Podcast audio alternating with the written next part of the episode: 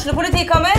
Ine Jansen er purk. Er du purk? The motherfucking bitch. Alt jeg vil, er å finne ut hva som skjedde med mannen min. Jon Carew. Er jeg sikta for noe? Iben Akeli. Det er du. Ole So, Lars Berrum og Big Daddy Karsten. Hvem sin side er du på, egentlig? Anette Hoff, Tone Danielsen, Kommer du fra Afrika? Jørnis Josef, Nesten. Kløfta. Trond Espen Seim, Det er synd å si det, men det var feil mann som døde. Purk. Premiere tirsdag på TV2 Play. Det ble jo et veldig oppsving sist TV2 kom inn. Da, uten at jeg, jeg vet ikke om det var bare pga. TV2, men uh, hvordan opplevde du det den gangen? Jeg husker bare at det var liksom øh, fine sendinger, og at de hadde ulike igjen ulike sånne eh, kan du si TV-programmer også som gjaldt eh, Eliteserien. De hadde liksom de kalte det på mandager, så hadde de matchball eh, mandag eller et eller annet sånt. Og, og så var det eh, fotballdebatt, og det var altså De hadde ulike liksom, konsepter eh, rundt ulike fotballprogram som, som på en eller annen måte i skråblikk eller i faktablikk eh, bygde opp produktet Eliteserien. I tillegg til at de hadde disse sendingene til kortsporten. Eh, hvor det var folk ute på trening. Og da, da var det sånn ofte at det skjedde ting på trening. Og det var et kamera som rulla på trening eh, relativt ofte på Åråsen i hvert fall, eller på Vigernesjordet. Eh, hvor, hvor det kunne hende at det skjedde episoder som ble tatt opp av, eh, av kamera der og da, og sendt på nyhetene. Og mer oppmerksomhet skaffer jo Avler jo innimellom litt sånn konfliktskapende situasjoner og sånne ting, men det er på en måte det man får når man ber om mer oppmerksomhet. Da. At det blir gått mer i sømmene hvordan vi klubbene driver også. Det skal man jo gjerne tenke seg til når man ber om eh, mye oppmerksomhet, så må man jo tåle å få mye oppmerksomhet.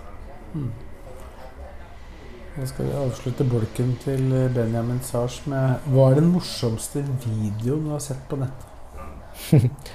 Morsomste videoen er Jeg husker ikke hva den morsomste videoen er, men sånn generelt sett så er jeg, jeg er svak for sånn dyrevideoer. Altså hvor de, hvor de gjør morsomheter, og om det er en eh, katte som setter seg fast eh, et eller annet sted og kommer seg løs til slutt, eller det er en geit som liksom lager de sykeste lydene. Altså generelt sett eh, YouTube-videoer med Eller videoer som er på sosiale medier med dyr som gjør morsomme ting.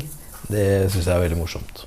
Da, da får du en god latter. Da får jeg meg en god latter. Det er billig humor for meg. Vi kan bevege oss videre. Per Stokkebryd, hva er det rareste spørsmålet du noen gang har fått fra en journalist?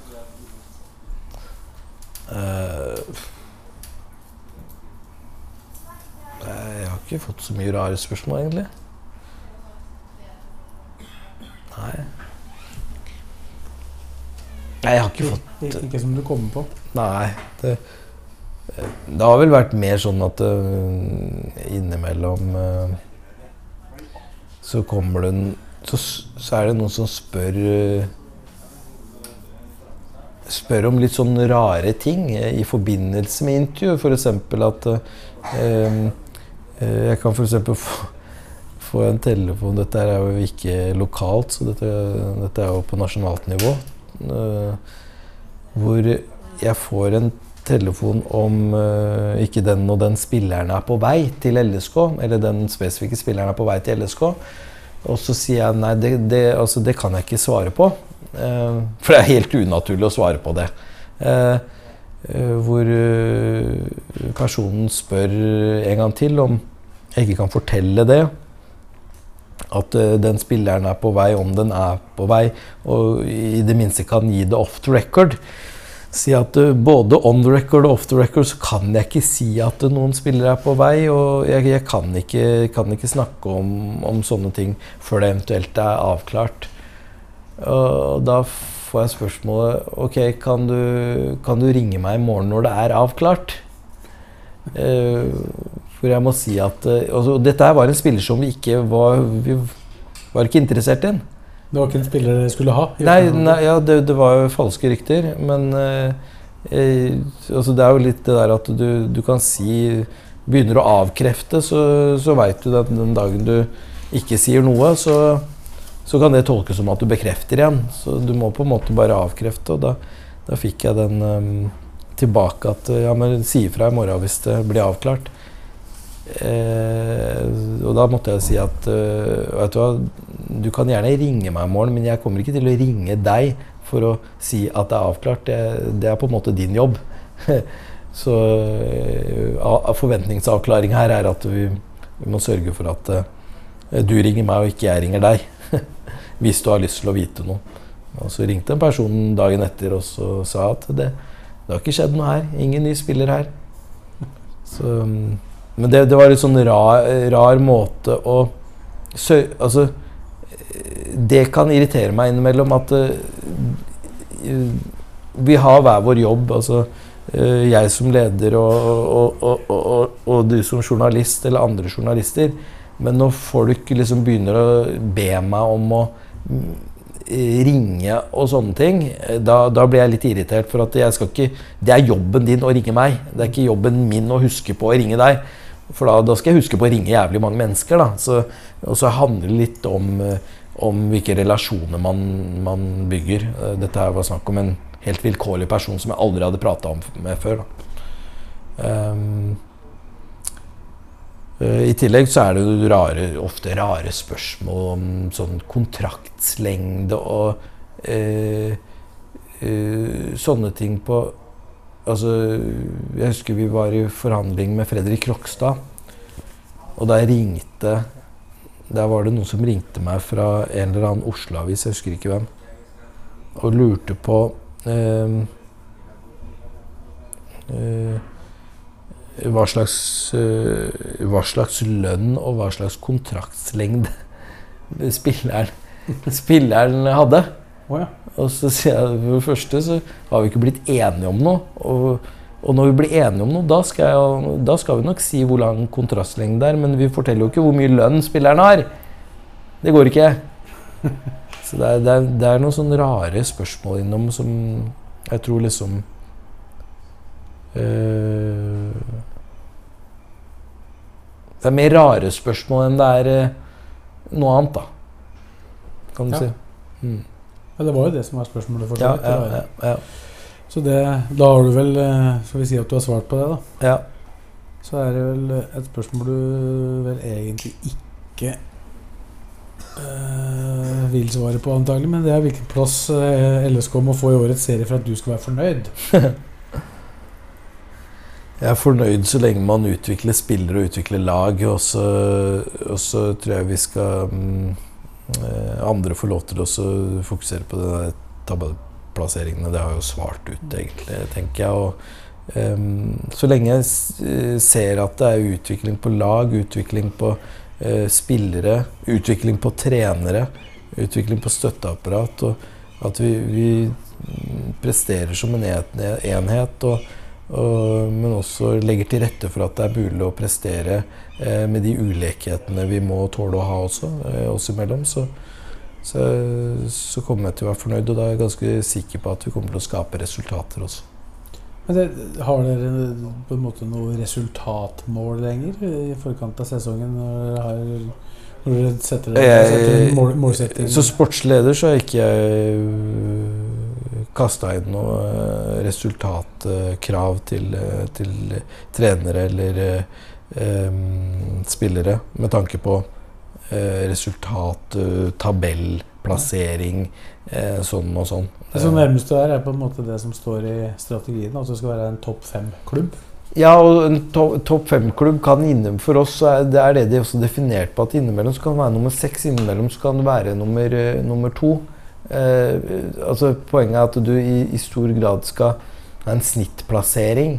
Uh, for at variasjonen Vi er og, og, og, bør også innse at vi er en klubb som omsetningsmessig vil havne på en, i, i, en situasjon hvor du, du har ikke den altså Rosenborg må si at de må gå for seriegull hvert eneste år, men omsetninga de har, så er det ikke noe tvil om noe annet. Uh, Eh, det er klubber, noen klubber som har det sånn, mens vi eh, er nok i, i den, det formatet at du du kommer kanskje til å versere mellom 70 millioner til 110 millioner i omsetning. Et eller annet sted mellom der. Mye av det også er pga. eiendommen vi eier, som ikke har noe med sporten sånn sett å gjøre. Annet enn at det selvfølgelig noe av det omdreiv eh, fasilitetene våre. Så er det ikke noe tvil om at uh, de uh, i, i, det perspektivet så må vi tåle at, uh, at resultatene kan det ene året gå fra å ta f.eks. medalje, være nede på femteplass året etter være på sjetteplass året etter der, for så å kjempe om medaljen på året tre. Så lenge du er på øvre halvdel, så, så er du inne og, og, og, skal ha en fair sjanse på å kjempe om medalje i enkelte år. Og det øh, må vi tåle, og da må vi tåle det innimellom. Når vi, når vi på, hvis vi havner på medaljeplass, skal vi være ekstremt fornøyd med det. Men da må vi tåle å bli nummer fem det andre året. Vi må tåle å bli nummer, nummer seks det andre året. Eller tredje året. Eh, det, det, det, handler om at når du skaper suksess, sånn som vi gjør nå f.eks., så blir spillerne attraktive. Vi må selge spillere, og så må vi bygge opp igjen. Men da, hvis vi skal ha tid til å bygge opp nye og eh, unge eh, egenutvikla spillere, så må vi tåle at det er litt restanse på resultatene. For at det, Man ser jo det med Bodø-Glimt også nå. At du, du, produserer så sterke resultater at du mister så mange spillere at til slutt så, så merker man at man får restanse på resultatene. Og det er enormt at de ikke har fått det før nå. Men eh, vi, må, vi, må, vi, må, se på det som, eh, som eh, muligheten for å eh, tørre å snakke om det allerede nå. At uh, For å skape den rette utviklinga, så må vi ikke tro at vi skal spise oss inn i himmelen og tenke at vi skal eh, bli nye Rosenborg. Vi, vi, skal være nye LSK. Vi skal ikke være nye Rosenborg eller, eller nye Bodø-Glimt eller nye Molde. Eller, vi skal være nye LSK. Det, det, må vi gjøre på vår måte. Og så må vi sørge for at vi er robuste i det å tåle å drive med utvikling over tid. Eh, som, og en erkjennelse av at resultatet går opp og ned, men så lenge vi jobber med utvikling over tid, så, så kommer vi på riktig spor. Hvor realistisk er det at klubben på en måte kan ta et steg og på en måte komme opp i et nivå da, når det gjelder økonomi også. Altså Sånn at det kan være at det kan være mulig å forvente mer stabile prestasjoner over tid. Ser du, ser du for deg det fram i tid? Det, at det kan være mulig? Ja, det, det tror jeg kan være mulig. Uh, hvor langt fram i tid det er vanskelig å si. Jeg tror Første, første utfordringa får vi når vi eh, når vi på et eller annet tidspunkt uh, må selge spillere. Eh, da er jo det å prøve å erstatte de, men hvis man prøver å erstatte de bare kortsiktig med å eh, selge unge potensialspillere og for så erstatte dem med gamle spillere over hele fjøla, så, så blir vi et, eh, et eldre og lite dynamisk lag. Det, det, kan jeg garantere.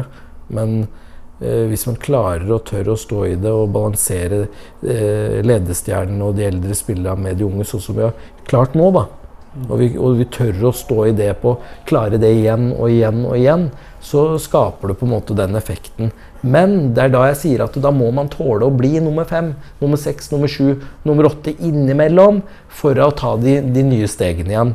Eh, for å kjempe om medalje i en ny syklus eh, eh på noen år, f.eks. Eh, men hvis man hele tida mener at man skal være nummer uh, har klart å komme nummer fire ett år, og mener at skal man, man, skal være nummer to, tre neste år, og så skal man være nummer to neste år, og så skal man være nummer én år etter der, og man skal hele tida ha en økning, men samtidig driver og selger spillere, så er, det, er vi ikke robuste nok eh, i omsetning på at vi skal klare det uh, på den måten. Men vi, vi, vi skal jobbe med, med, de planene vi har, og så må vi tørre å stå i det, sånn som vi gjorde det innledningsvis.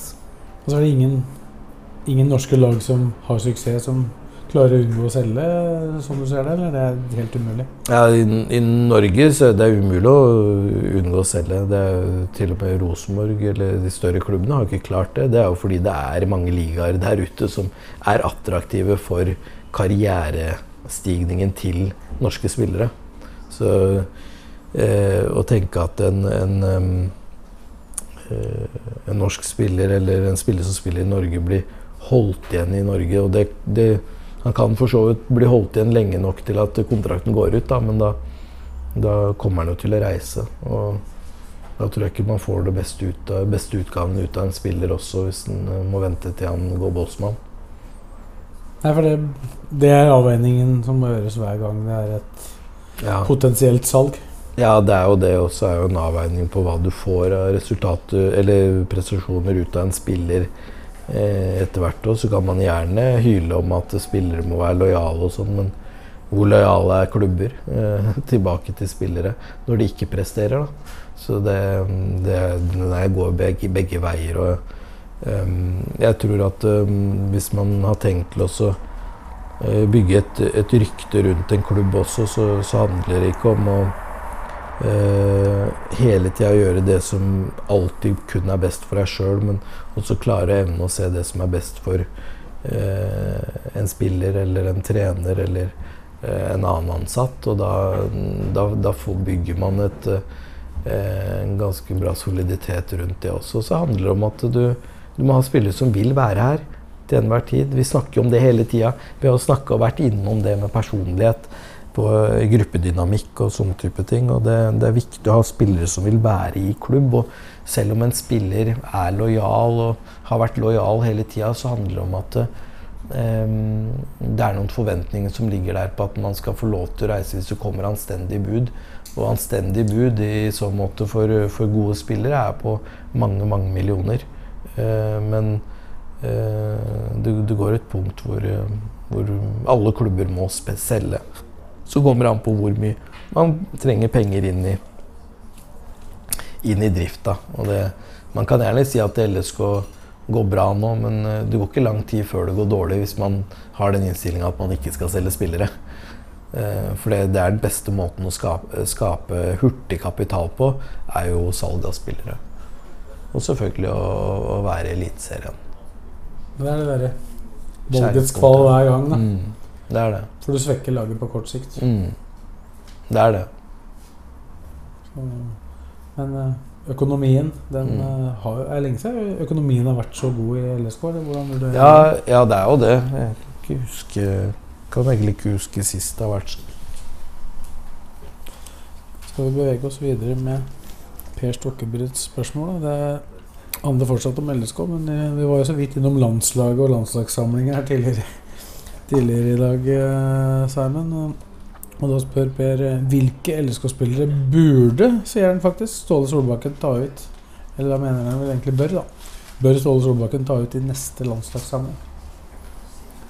Og jeg mener det. Ja. Uh, hva jeg mener.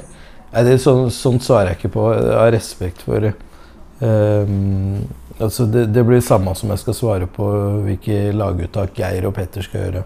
Um, Geir og Petter er ansatt som trenere for LSK. Da skal man ha respekt for det utad. At det, er de som eh, skal få lov til å ta ut det eh, laget. Og det samme er det for Ståle.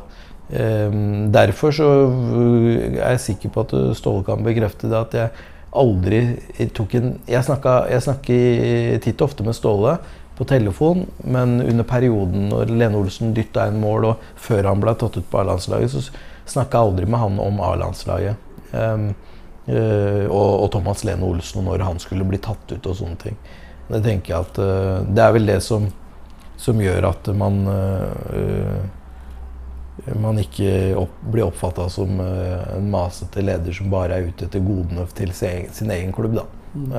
Men sånn generelt, altså, er det ikke fryktelig mye og mange supportere som maser veldig om å få sine egne spillere inn på landslag til enhver tid? Jo, det er jo det, ikke sant. Og, og da, når det er å, å drive sånn med, med, landslag, så det er ikke noe tvil om at innimellom så får vi telefoner fra ulike landslagsledelser rundt om i Europa og på U-landslag og sånne ting som spør om tilbakemelding om den spilleren vi har, da, f.eks.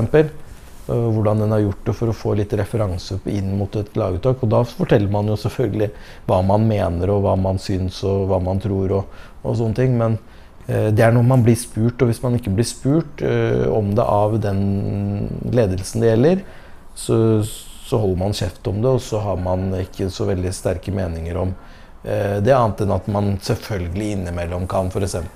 Eh, si, og det skjønner jeg, at eh, en trener har lyst til å Om det er Geir Bakke Petter Myhre eller noen andre trenere i Eliteserien har lyst til å så, eh, snakke opp en av sine spillere og, og mener at det nå eh, er god nok for landslaget, så er jo det en måte å bygge opp eh, selvtilliten til en spiller som har prestert bra over tid. Det må jo være lov.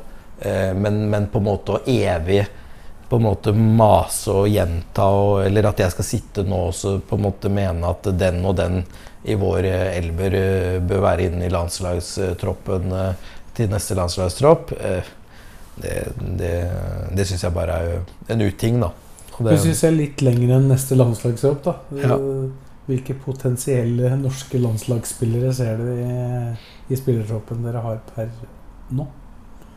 Ja, men altså, Kan vi ikke si det heller sånn at vi snakker om uh, hvem som i framtiden kan bli, altså utenom ja. at det er definert i akkurat det neste landslagssamling. For sånn som landslag. Ja, det var det, jeg sa. Ja, ja, ja fram, I framtiden. I framtida, en eller annen gang. Ja, en eller annen gang i framtida. Så, så, er det ikke noe tvil om at både Mats og Eskil eh, eh, har jo muligheten. Det er jo ikke unaturlig det når de faktisk er på U21-landslaget til Norge.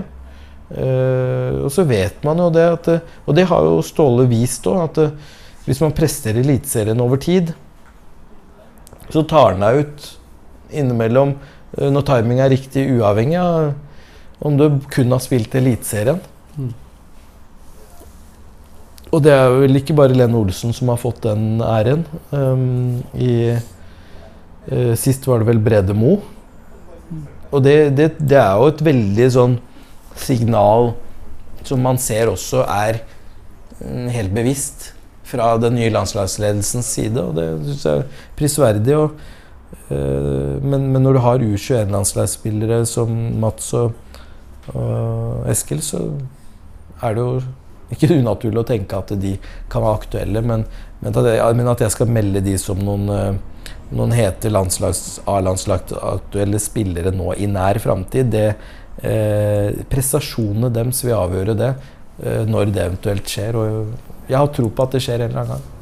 Foreløpig er du vel ikke engang fast på U21-landslaget? Nei, så man må på en måte starte der. Og det, det også er liksom avhengig av eh, hvem som er trener der til enhver tid, og hvem, eh, hvordan man ønsker å spille osv. Så, videre, så.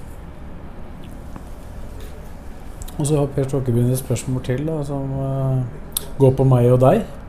Ja. På hvem, hvem som kan holde ut lengst i et intervju som dette. Jeg håper at begge holder ut, ellers så går dette til helvete. Ja, det er, det er vel et greit utgangspunkt, det.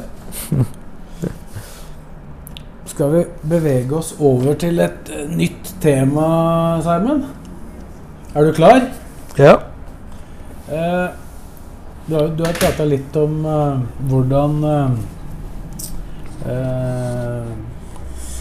Hvordan du tenker at de rundt deg er bygd opp. Mm. Du som sportssjef mm.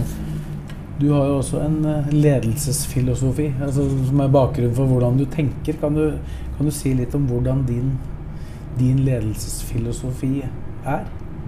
Ja. Hvordan tenker du som, eh, som sportssjef, altså som leder? Eh, det, altså, er jeg vil jo oppfatte meg selv som at jeg er en inkluderende leder. At jeg driver en um, bruker jo ofte situasjonsbestemt ledelse. Altså at man på en måte prøver å sette seg litt inn i konteksten der og da på, på hva som lønner seg eh, sånn ledelsesmessig der og da. Men sånn, på generelt grunnlag så, så, er jeg en inkluderende leder som ønsker å, å, å, delegere, og som ønsker å gi ansvar til de som fortjener ansvar, og, og har eh, kompetanse til å ivareta det ansvaret. Eh, og som er eh, gode mennesker som har gode vurderinger. Så og det har vi mange av. Så det, det er en type, type ledelse som eh, til dels skaper et eh, relativt flatt hierarki, men hvor det er veldig tydelig til slutt hvem som på en måte bestemmer. Eh, enten det er meg eller det er noen under meg som på en måte har fått det ansvaret. Mm. Du sa jo litt tidligere at du, du er ikke redd, du frykter ikke å ha folk som kan mer enn deg, rundt deg. Mm. Fortell litt om hvordan du tenker når du da henter inn ulike kapasiteter i de ulike rollene. Ja, det, det, det, er klart at uh, jeg tror uh, både, både, Altså på livserfaring, da, Så jeg er jo 42 år, og inntil André Sjelander kom inn, så var, var, jeg vel den yngste av de som er i organisasjonen, hvor, hvor eh, flere, altså Geir Bakke, Petter Myhre, Geir Kåsne, Tor Arne Solberg eh, Veldig mange av de eh, som på en måte jobber på sport i LSK, har vært i toppfotballen eh, lenger enn det jeg har vært, selv om jeg har vært der i titalls år sjøl. Eh, og det, det må man jo ha på mange måter respekt for um, og, og, og, anerkjenne. Og det hvis man, hvis man, ser det som måte ikke ser det som en trussel for, for, egen autoritet når du kommer inn, og jeg da kommer inn som sportssjef og, og skal ta over, selv om jeg hadde vært i organisasjonen, så blir det på en måte å mm, jekke det opp et par hakk. da. Eh, og hvis jeg da skulle begynt å jekke det opp et par hakk med å være autoritær, Eh, noe jeg ikke er som person, noe som ikke passer personligheten min å, å tilegne seg en sånn type måte å lede på, da, så, så vil du eh, etter mitt syn tape. Da. Du vil eh, miste eh, det unike du har ved deg selv, ved å på en måte prøve å tilegne deg å være på en annen måte. Så eh, for min del så, så, er det helt naturlig for meg å, å, å ha folk rundt meg som er bedre enn meg, og, og, og, er ikke redd for den uh, Kan du si å miste den autoriteten. for til syvende og sist så, så, må jeg vite litt om alt og kunne litt om alt. Og så har du spesialister som kan mye om det de driver med. som er veldig viktig å, å, å, stole på og ha tillit til at de kan forvalte på en god måte. Til, til beste for laget og klubben og organisasjonen. Så ambisjonen om å vite mest om alt, den, eh, den, har du ikke? Hæ? Du har ikke den ambisjonen om at du skal vite mest om alt? Nei, det, det, det handler om å vite, få vite om de viktigste tingene, selvfølgelig. Eh, og dette handler om kommunikasjon. Det handler om å, å hele tida vite hva man kan vite noe om. Eh, eh, og så er, det jo viktig å tenke på at man ikke trenger å vite alt hele tiden, men vite nok til at man, man vet hvor skoen trykker hen hvis det er noe som skal, skal løses opp i, av, av, utfordringer eller konflikter, f.eks. Mm. Hvordan, hvordan er du Forholder du deg til de som er over deg i systemet? Eh, nei, det, det, blir jo på mm, samme måte at jeg kan jo si at jeg, jeg forventer jo for, forventer jo at Eh, så lenge jeg har tillit, så, så, blir den tilliten vist. Og det opplever jeg jo, at jeg har tillit. Og, og jeg, jeg kjenner, den, kjenner, på den tilliten, og det gjør at jeg også er tryggere i min rolle i klubben. Ja, Du forlenga jo avtalen din med, med fem år? Eh, fem nye år. Ja. Mm. Hvordan, eh, eller hvorfor gjorde du det? Um, jeg gjorde jo det fordi jeg følte at uh, for det første de fem første åra gikk Eller de fire første åra gikk relativt kjapt. Um, det har vært en reise uten like. En tøff reise, men som jeg fortalte om tidligere, man har stå, stått i det sammen med mange andre, og vi har liksom kommet oss gjennom uh, Men det tok lengre tid. Det tok på mange måter lengre tid enn jeg trodde, men det tok også litt kortere tid enn jeg trodde. Det, er ulike, det er sånn ambivalent følelse, egentlig.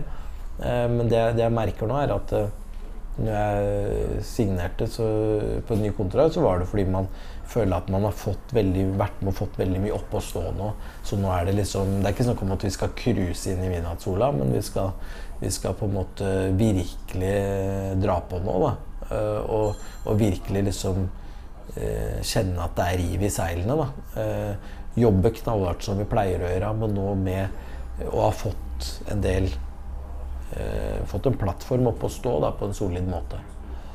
Så, så hadde, det vært, hadde det vært unaturlig å på en måte gått ut av det nå? Ja, det hadde føltes ut så For meg så føltes det ut som jeg hadde vært at jeg hadde vært halvferdig, da. Men, um, men samtidig, sånn, hvis du tenker sånn strategisk, eh, så, så kan det hende at det har vært smart også og hoppa unna nå og så tenkte at da har du safa deg selv i forhold til at man på en måte kom opp igjen tok en fjerdeplass, og så hopper man av. Eh, men det er jo ikke sånn det fungerer. Vi, vi, har masse som er, vi har masse som fortsatt er ugjort.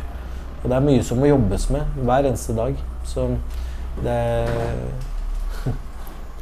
hvor, langt, hvor langt føler du at du er uh, unna på en måte den optimale organisasjonen du vil ha rundt deg på sport da, nå? Eh, nei, vi kommer nærmere hele tiden. Det er jo samspill. Da. Dette her er jo noe som jeg Geir og, og Petter prater om en god del. Og jeg prater med Kåsen og jeg prater med flere om liksom hvordan vi skal bygge dette videre. Da. Så jeg prater med styret og så prater med, med, med Robert. Og det, det, er liksom innom Det er mange som er innom og, og jeg vil gjerne høre Jeg snakker med Mette og jeg vil gjerne høre hva folk mener. Eh, og så har jeg noen, på en måte, noen tanker som jeg leker med litt eh, oppi hodet mitt innimellom. Men eh, det, er ikke, det, er ikke, noe sånn vi, vi, er ikke langt, vi er ikke langt fra hvordan vi, vi, skal se ut. Og så er det liksom hvordan vi jobber. da. Hvordan vi utnytter den kapasiteten som vi skaffer oss. da. Mm. Det er jo like viktig, for det, det, da må vi makse det vi har. Og Du begynte i 2017 uh, og på en måte tenkte vel kanskje, uten at jeg vet det, på at du skulle ende omtrent der du er nå, da, med det apparatet du har. Hadde du trodd det i 2017, at du skulle være der eh, på det tidspunktet vi er nå, i 2022? Ut fra sånn situasjonen var i klubben i 2017? Mm, ja. Jeg kan ta spørsmålet om igjen. Jeg falt ut litt der. I, i, 2017 så hadde du noen tanker om hvordan mm. LSK skulle se ut kanskje noen år ja. fram i tid. Ja. Og nå ser det sånn ut som det gjør nå. Hadde du trodd at det skulle gå så fort å få en tilnærma optimal eh, Nei, men Det er det jeg sa, at det er litt sånn ambivalent følelse når jeg skulle signere en ny avtale. Fordi du på mange måter så følte du at du eh, hadde jobba ganske mange år med å eh, på en måte være med å få dette her opp og stå. Og så merker jeg nå at nå øh, det oppleves også som det har gått veldig kort tid. Eh, for tida går fort når man, når man har det gøy òg. Selv om det har vært noen vonde tider, så har man jo eh, har man det gøy med å jobbe i den klubben man ønsker å jobbe for, og med, med de herlige omgivelsene som er her. Så eh, det har gått både fort og sakte, føles ut som. Litt sånn samtidig, men eh, Det er ikke sånn at det du ser i 2022, var det du drømte om i 2017? Om at du skulle få til? Eh, nei, det, det, for det, det, er sånn du Jeg orker ikke å gå rundt og drømme, på en måte. Eh, eh, det, så det blir mer at man setter seg noen mål eh, som går på hvordan vi skal utvikle oss. da. Håper at vi skal få akademi opp og stå på den og den måten. Håper at man skal få A-laget opp og stå på den og den måten. Og det handler om det organisatoriske, det administrative, det, det planmessige. da, Mer enn at det handler om eh, A-lagets tabellplassering der og da. Og da kan du begynne å gjenkjenne nå, når jeg har sagt det mange nok ganger om hver gang vi prater om noen ulike deler av klubben, at det handler om hvordan vi måler resultatet på eh, F.eks. det på spillerutvikling. Eh, I styremøtene så leverer jeg måltall på mm, hva slags eh, hvor mange spilleminutter man har gitt eh, til egenutvikla spillere. Eh, trenerne vet at de blir målt på det like mye som de blir målt på Eh, på, en måte på resultatene eh, over langen. Men kortsiktig så er det bruken av egenutvikla spillere som man blir målt på. Og så, og så, er det sånn at til, til syvende og sist så blir jo trenere alltid målt på tabellplassering og resultater. Mm. Men man, man, man, blir ikke altså, Geir Bakke ble ansatt med et klart mål om hvor mange minutter eh, spilletid egenutvikla spillere ja, det, skulle ha. Ja, og det lå i strategiplanen fra 2017. Og det, det ble jo opp, oppnådd med bravur. Ja, ja nå de siste åra? Ja. ja. Allerede fra første år. Og det er jo det som gjør at vi liksom spiller oss inn på um, at Mats Kristiansen eh, har etablert seg som en, en veldig god eliteseriekeeper og en av de beste i Eliteserien. Og Eskil Ede utvikla seg som eh, en av de beste bekka i Eliteserien. Og eh, Ranger har utvikla seg som en god bekk. Og eh, Magnus Knutsen som en god midtbanespiller. Dette her er jo på grunn av at, at de har blitt brukt. Og at de har på en måte fått muligheten til å utvikle seg. For de er jo ikke gode nok når de blir kasta inn i det. Det er det jo sjelden noen som er. Når de er så unge. Men de blir gode nok hvis de får muligheten. Og, de, og så er det noe med å fortjene å få muligheten òg. Så det ikke, handler ikke bare om hva, at trenerne skal gi spillerne muligheten. Det må fortjene det òg. Og de må jobbe for det. Og, og som regel så går det ikke en rett linje. Magnus Knutsen debuterte i Haugesund eh, I 2019. i 2019. Den siste seieren i 2019. Ja, og det tok jo, tok jo noen sesonger eh, før han et, har etablert seg sånn som han har gjort nå. Og det, det er en utvikling som Magnus har tatt, og han har utvikla seg. Og, og, de som har klart det nå, de har jo fortjent det. Eh, og så kan man på en måte lure på hvorfor andre ikke klarer det og sånne ting. Men det er jo sammensatt, og det, det er jo en helt annen diskusjon. Mm. Når det gjelder på en måte ledelsesfilosofien din, og du har jo vært veldig opptatt av, uh, av åpenhet. Mm. Hvorfor er det viktig for deg og for LSK? Ja, det, det, er jo sånn at uh, åpenhet LSK som klubb er tufta på supporternes eh, kraft til å kjøpe billetter, eh, handlekraft til å være med på bortekamper eh, osv. osv. Og, og da, da er den minste respekten eh, man må vise de som er med og eier klubben, for det er det de er når de er medlemmer av klubben. Eh, at man er en åpen klubb, at man er en så transparent klubb som mulig. Og så går det noen avgrensninger innimellom med tanke på det sportslige, som, som innimellom er oppe til diskus, diskusjon. Eh, når det gjelder treningshverdag eller, eller eh, altså stengte treninger eller sånn eller sånn. Men, men i stor grad så, så er det jo sånn at man ønsker å være en klubb som er åpen og transparent, og som kan eh, vise på en måte Å være åpen om avgjørelser som tas, og hvorfor de tas. Eh, også noen, noen, ganger når man blir lagt på hugget, da. Men, men, det må man bare tåle, da. Og så må man stå i det. Mm.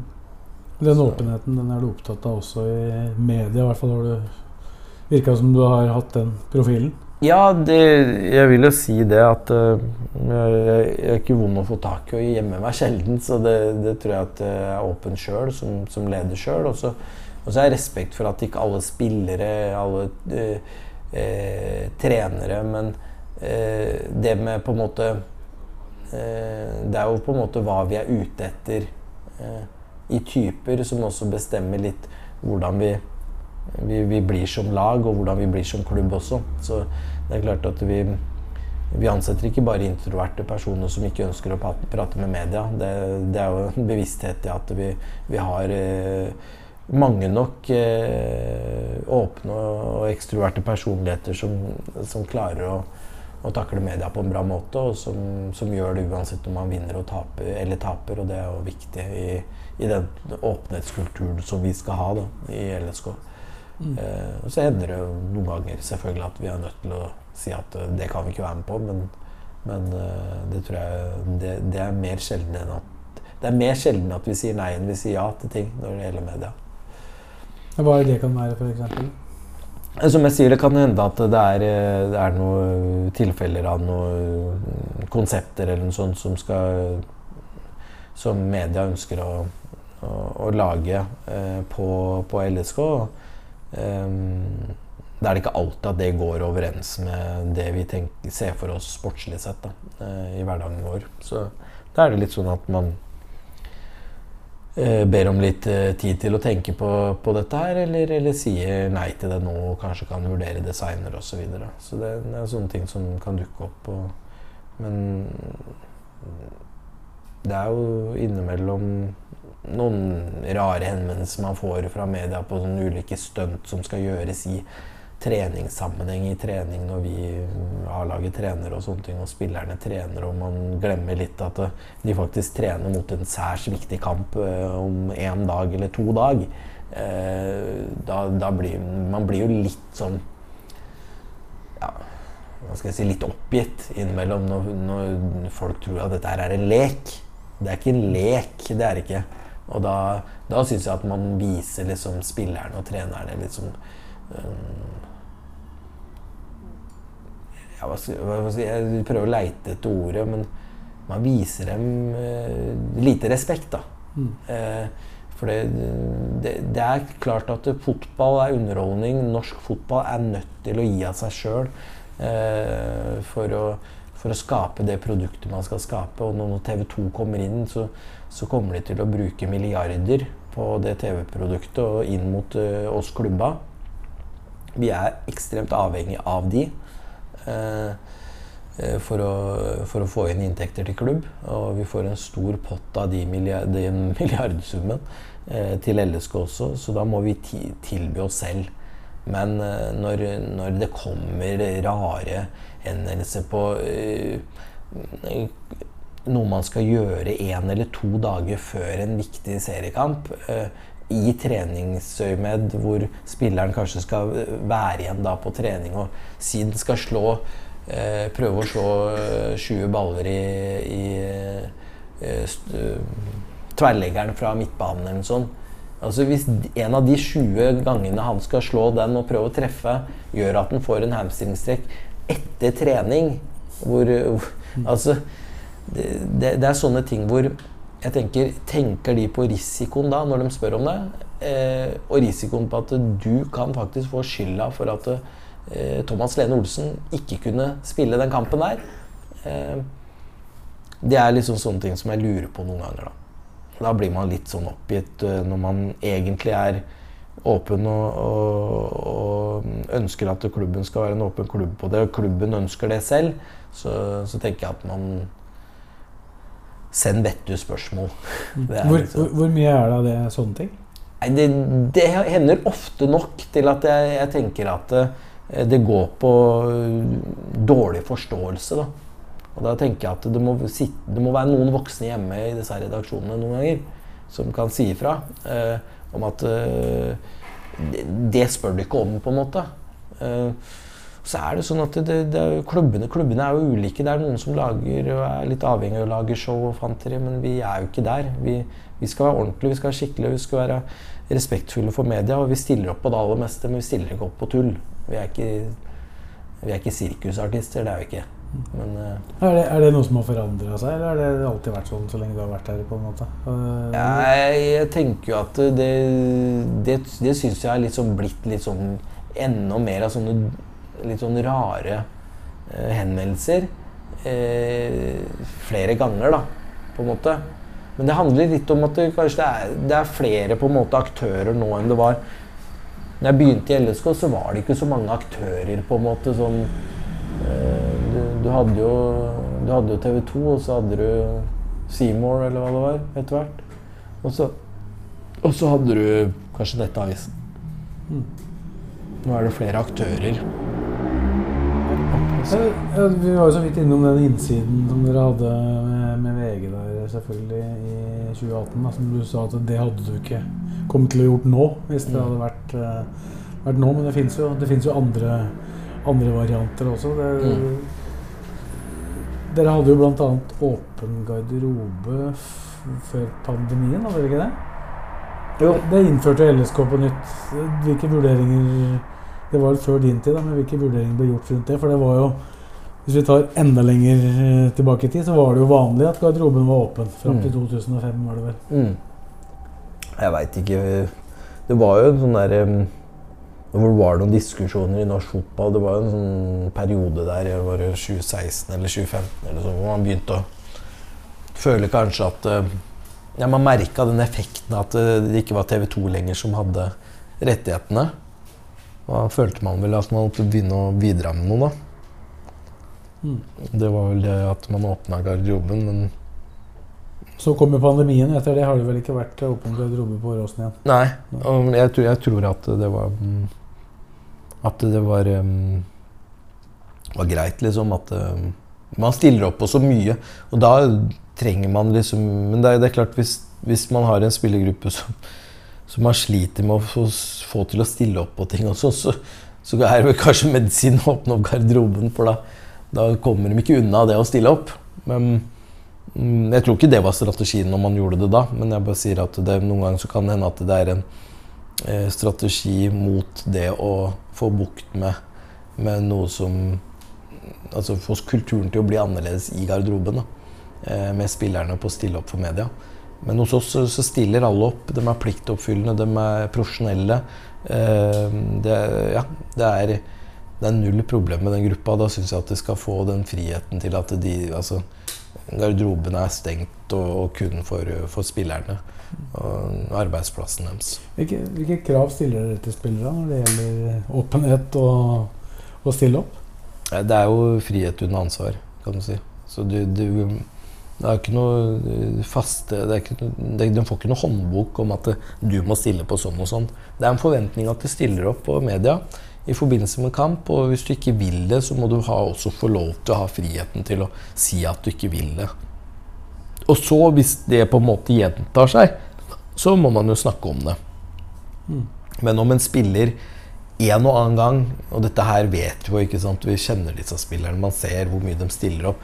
Hvis, hvis eh, en gitt spiller én gang sier at vet du hva, i dag så orker jeg ikke, det, det har vært en vond opplevelse, det, det er en del ting jeg kommer til å bli spurt om som jeg ikke orker å svare på nå, eh, jeg vil stå av. Ja, det, det har man respekt for. Er det da noe som blir tatt opp i forkant av eh, Nei, det kan jo skje, Problemet er at dette kan skje ofte etter kamp. da. Mm. og da er det jo veldig kort, kort tid mellom det og eh, at spillerne kommer inn i garderoben og mixed zone, eh, og, og eh, dere og flere spør om intervjuobjekter. Da. Og da kan det hende at det kommer. Eh, det er ikke skjedd eh, i nyere tid, så vidt meg bekjent, men jeg har jo vært borti det tidligere. Og det jeg tenker at så lenge, man, har en, man har en god kultur for dette, her, så, så er det jo frihet under ansvar med tanke på å stille opp. Alle veit og forstår verdien av å stille opp for media. Men det, dette handler jo om det er jo Alt som handler om kultur, starter på toppen. Vi, jeg, Geir Bakke, Petter Myhre, alle som er i ledelsen og, og, og i og rundt støtteapparatet, i, i, mm, alle som er rundt spillere, eh, må, må ha, ha en god kultur for at spillergruppa også skal eh, eh, fortsette med den gode kulturen de har. Og det, eh, sånn er det jo. Sånn, altså, sånn er det jo med, med hvis Gjermund Aasen hadde hatt en dårlig kultur, og, og, men samtidig hadde snakka om god kultur, så hadde jo han også blitt avslørt. Men han snakker om det samme som han gjør. Han gjør det samme som han snakker om. Så eh, Derfor så, så har han den respekten i gruppa. Derfor så setter den kulturen seg. Og så er det mange som er med på å bygge opp under den kulturen. Og så er det mange som er kulturpoliti, da. Eh, som tar tak i når kulturen ikke blir fulgt. Den gode kulturen, vel å merke. Og det, men det starter, dette her starter hos meg. Så når vi er inne på det hos media Hvis jeg sier at alle andre skal stille opp, men jeg ikke stiller opp sjøl, så, så er man ikke noe, noe god leder, i hvert fall. Hvorfor kunne du si at du stiller opp, da? Ja, 10 timer og 43 minutter her nå. det er mange som skal jobbe hardt på På å ta igjen den. ta igjen den. Eh, Men det har jo vært litt aktualisert, akkurat det der med åpenhet nå da med landslag og Erling Braut Haaland som uh, har stilt opp noen ganger, men ikke andre ganger ikke stilt opp. Uh, litt annen setting, uh, annen situasjon. Har du satt deg inn i den og kan si noe om hva du tenker om det? Hva da? Hvordan, hvordan han da på en måte får litt, litt særbehandling innimellom på landslaget? Haaland? Ja, av den situasjonen han har vært i. Ja, det er klart at det blir så mye Det blir på sånt nivå hvor det blir så mye at eh, eh, det er ikke noe tvil om at det eh, på en eller annen måte går utover prestasjoner og, og, sånne ting hvis man blir brukes for mye tid på det, da. På media. Og da er det liksom Når det også er på en måte blir det gjentagende spørsmål fordi det er det En ting er en pressekonferanse hvor du prater til flere, men hvis du skal prate med flere, eh, sånn som han gjør og om å gjøre ikke bare nasjonalt, men også internasjonalt, også gjerne må liksom svare på de samme spørsmålene, og spørsmålene handler om Manchester City, om han har signert eller ikke, og han veit at han ikke kan prate om det, så er det jo greit å bare si at eh, han kan ikke prate om det. Eh, men han kan prate om kampen, og det kan han gjøre etter kampen. Og det gjorde han jo nå. Mm. Eh, så er han jo en ung gutt, da. Så det er ikke noe, om han blir litt påvirka av alt dette her, det er jo ikke rart. Men hvor, når er det grensa kommer hvor på en måte han blir skjerma for at han ikke gidder? Til at, Ja, han, ja. Til at han blir skjerma fordi det faktisk, er nødvendig. da. Ja, det får vi jo se på hvor grensa går hen der, men jeg, jeg tror at han Han er jo ung, og jeg tror det, Jeg tror du må kjenne og føle litt fram på hva som egentlig eh, skal, Man må ha tillit til spilleren, ikke sant? Spilleren sier, sånn som Haaland sier eh, det, 'Det orker jeg ikke'. Ok, men eh, hvor, skal, skal ledere si at jo, det må du orke, men du må skåre tre mål i morgen likevel?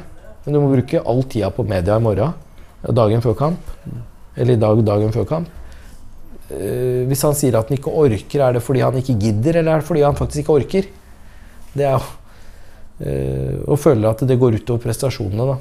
Så man må jo på en måte lytte til eh, til spillere og ha tillit til spillere, da, så langt eh, den tilliten ikke blir brutt. Så mm, Hvordan, hvordan forholder dere dere Du sa jo litt om det at du vil vurdere hvert enkelt tilfelle, f.eks. i LSK. da, hvis det, Ja. hvis det skjer. Nå har det vel, så vidt meg bekjent, ikke vært noe stort uh, problem, da, men uh, det, dere, dere kjører full åpenhet, og det har vært veldig viktig for deg. da. Ja, Det sånn ja, ja og, og jeg oppfatter at uh, altså det, det oppfatta jeg jo for så vidt uh, jeg ble ansatt som sportssjef òg.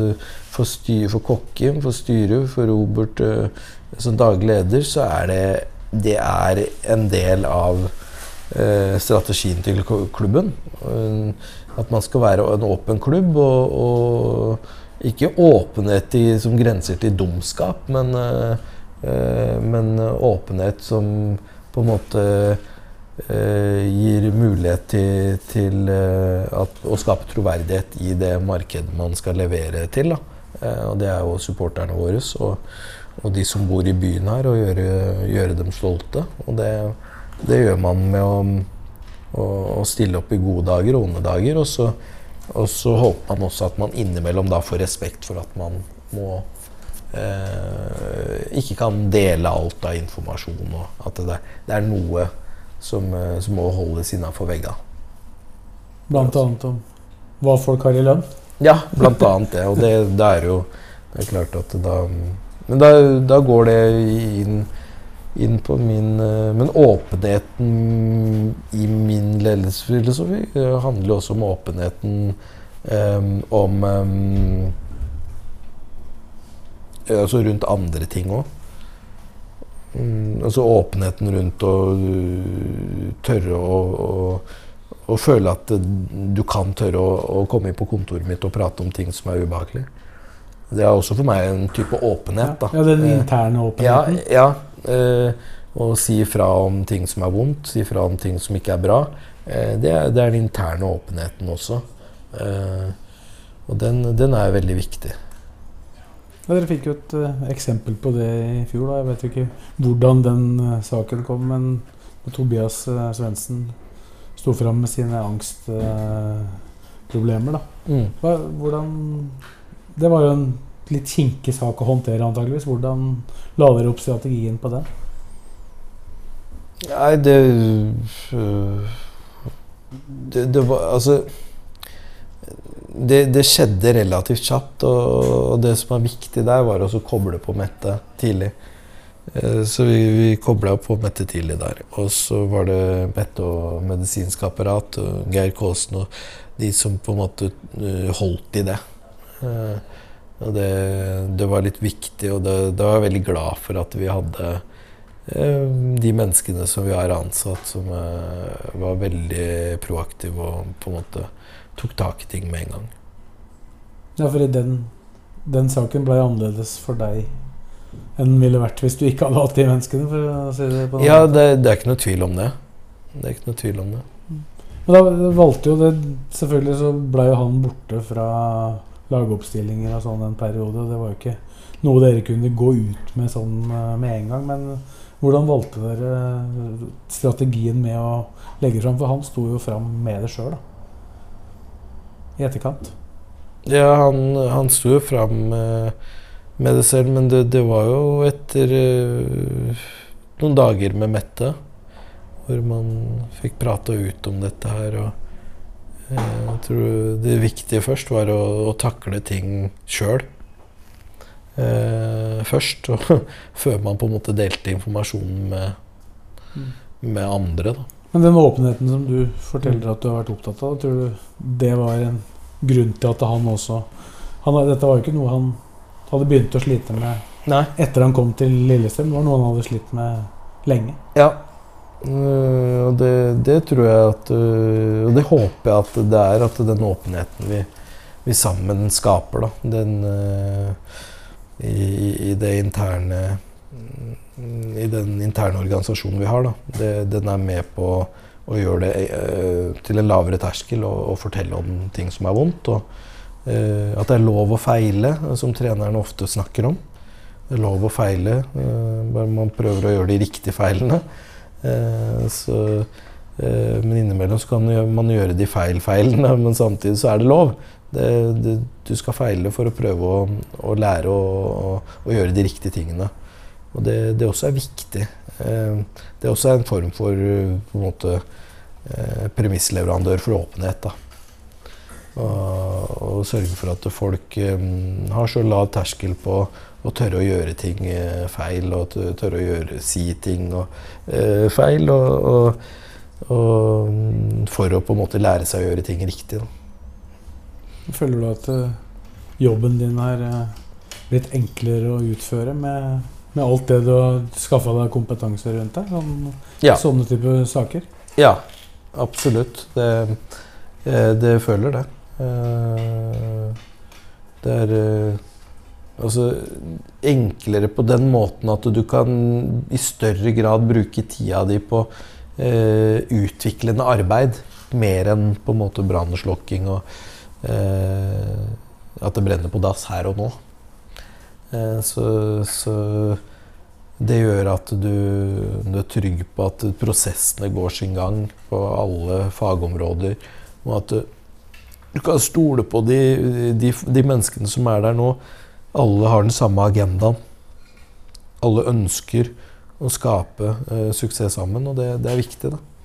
Vi, vi, er, vi er, sterke der, og, og, og, vi skal fortsette å bygge videre. Så vi, vi er overhodet ikke i mål, men, uh, men det er en trygg plattform, ja. Da har vi faktisk eh, bevega seg inn i en ny pause, Simon. Så da tar vi ja. ti minutter igjen før vi er tilbake. Og da skal vi snakke om eh, alle overgangene til Simon.